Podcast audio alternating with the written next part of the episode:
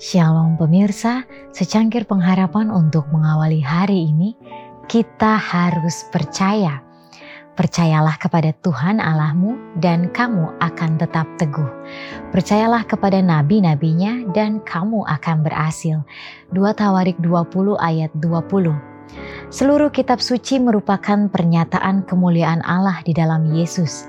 Jika diterima, dipercaya dan dituruti, maka itu adalah alat yang besar dalam perubahan tabiat. Itulah rangsangan besar, kekuatan yang mendorong yang menyegarkan kemampuan jasmani, pikiran, dan rohani yang menuntun ke kehidupan ke dalam saluran yang benar.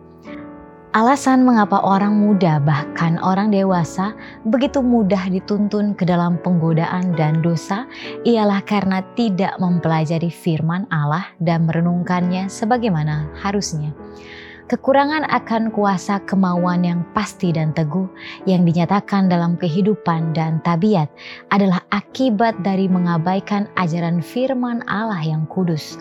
Mereka tidak mengarahkan pikiran kudus yang murni dan tidak mengembalikannya dari yang tidak benar dan tidak murni.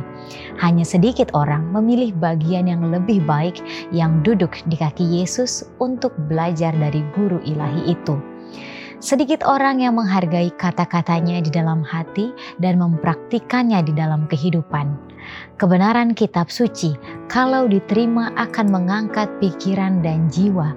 Jika firman Allah dihargai sebagaimana layaknya, orang muda dan orang tua akan memiliki kemurnian moral, kekuatan prinsip yang menyanggupkan mereka untuk menolak godaan kita harus menetapkan hati untuk mengetahui apakah kebenaran itu. Segala pelajaran yang Tuhan telah sengaja untuk mencatatnya di dalam firman-Nya adalah untuk menjadi amaran serta petunjuk bagi kita. Semuanya itu diberikan untuk menyelamatkan kita dari penipuan. Melalaikan semua itu berarti kehancuran kepada kita apa pun yang bertentangan dengan firman Allah, kita dapat memastikan bahwa itu berasal dari setan.